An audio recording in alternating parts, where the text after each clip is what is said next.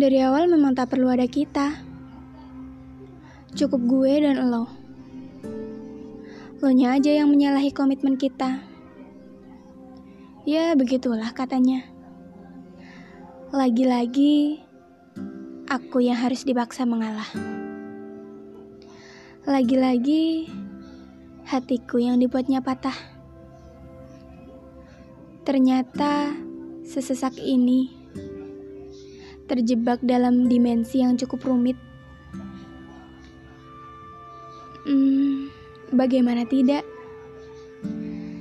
Saat aku diam-diam menaruh rasa kepadamu, yang ternyata juga mencintai orang lain.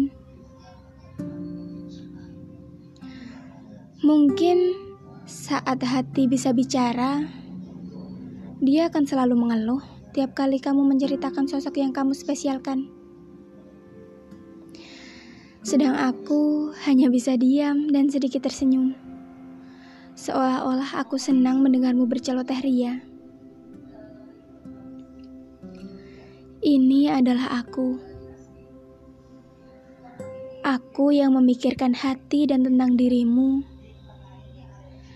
Dengan kamu yang mementingkan orang lain yang kamu agung-agungkan, yang kamu kagumi, dan yang kamu banggakan selama ini.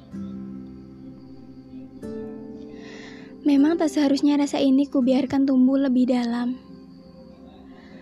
Mengingat kamu adalah sahabatku sendiri. Aku menaruh rasa kepadamu, sahabatku. Dan kamu mencintai orang lain, dan itu adalah temanku sendiri.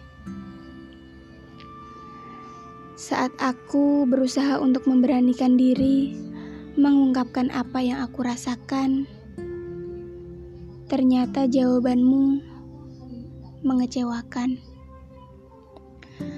Aku butuh waktu untuk semua ini, untuk membunuh rasa agar semua tetap baik-baik saja.